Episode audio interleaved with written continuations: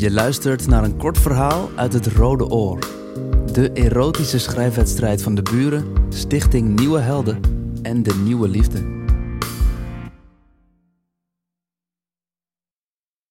De zon weet haar zelfs in de schaduw van de appelboom te vinden. Kruipt steeds een stukje verder omhoog. Eerst haar enkels, dan naar haar knieën, tot hij haar paarse bikinibroekje raakt. Wat is ze wit, denk ik. Ze opent haar benen, zodat het licht er beter bij kan. Even wil ik de zon zijn.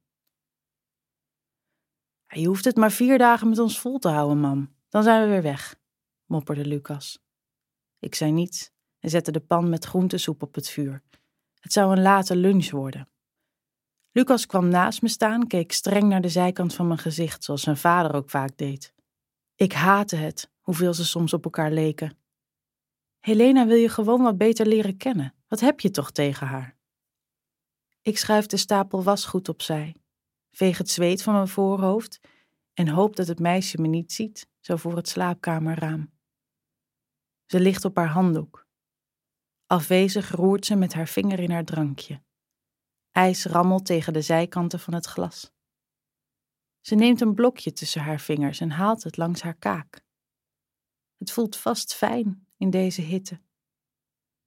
Druppels water glijden naar beneden. Ik volg ze, maar blijf hangen bij de puntjes die brutaal door haar bikinitop priemen. Kijken mag, houd ik mezelf voor. Traag laat ze het ijs over haar hals gaan, steeds een stukje verder naar beneden. Ik neem plaats in de vensterbank en spreid mijn benen. Mijn hand glijdt onder mijn zomerjurk. Wat studeer je, Helena? vroeg ik beleefd.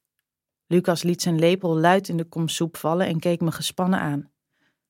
Genderstudies, antwoordde ze. Ze stak haar borst vooruit. Sinds wanneer droegen jonge vrouwen geen BH's meer? Wat wil je er precies mee gaan doen? Ze haalde haar schouders op. Ik wil gewoon uh, educated zijn, weet je? Ah, zei ik alleen maar. Typisch. Lucas sloeg zijn arm om Helena heen. Ze is woke, mam. Dat is zo belangrijk. Ze heeft haar top uitgedaan. Bloed zuist in mijn oren. Haar kleine borsten zijn nog bleker dan de rest van haar lichaam. Met één hand giet ze zonneolie over zich heen. Met de andere masseert ze haar borsten. Zichtbaar geil geworden, knijpt ze in haar tepel. Ik schrik ervan hoe nat mijn vingers zijn als ik mijn hand uit mijn slipje haal. Heb je nog iets van pap gehoord? vroeg Lucas. Die zit met Claire op Ibiza, antwoordde ik. Lucas klikte met zijn tong. Vind je het nog moeilijk? Ik haalde mijn schouders op. Het was makkelijker geweest als ze geen zusje van jou had kunnen zijn. Helena keek me medelevend aan. Ik snap het niet hoor, Franka.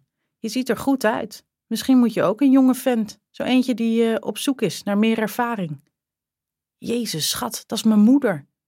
Lucas trok een vies gezicht. Helena grijnsde, stak een stukje stokbrood in haar mond en keek me aan.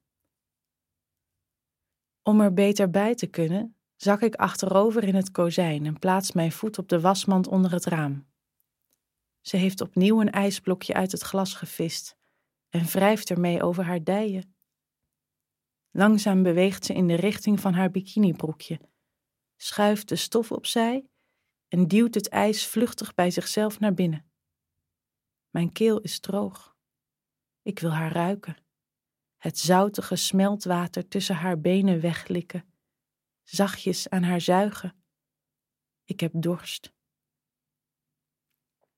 Ik rijd even langs uh, opa en oma, zei Lucas, en hij maakte een kusgebaar naar Helena, die net de trap opliep. Ze glimlachte naar hem en verdween naar boven. Toen ze niet veel later weer in de keuken stond, was haar magere lichaam gehuld in een paarse bikini.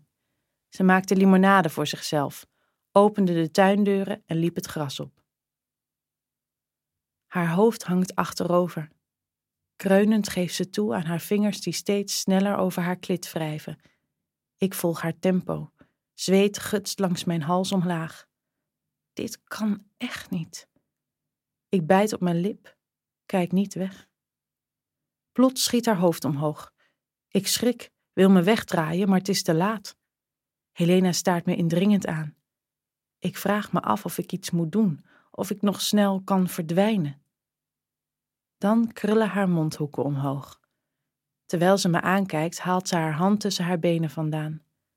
Ze staat op, knipoogt en loopt richting de voordeur. Als versteend blijf ik zitten. Wat gebeurt er? Ik hoor voetstappen op de trap. Snel trek ik mijn jurk recht. De deur gaat open en Helena komt binnen. Ze komt voor me staan en glimlacht. Ik zei nog tegen Lucas dat we het goed met elkaar zouden vinden. Ik ben Isel Vos en dit verhaal is geschreven door Joanne van Beek, een van de finalisten van het Rode Oor 2020. Je luisterde net naar een kort verhaal uit het Rode Oor. De erotische schrijfwedstrijd van het Vlaams-Nederlands Huis De Buren, Stichting Nieuwe Helden en De Nieuwe Liefde. Op deburen.eu slash het Rode Oor vind je meer informatie over het project, over de wedstrijd en kan je alle erotische verhalen van het Rode Oor lezen en luisteren. Het Rode Oor is onderdeel van het project Yes Please, een initiatief van Stichting Nieuwe Helden.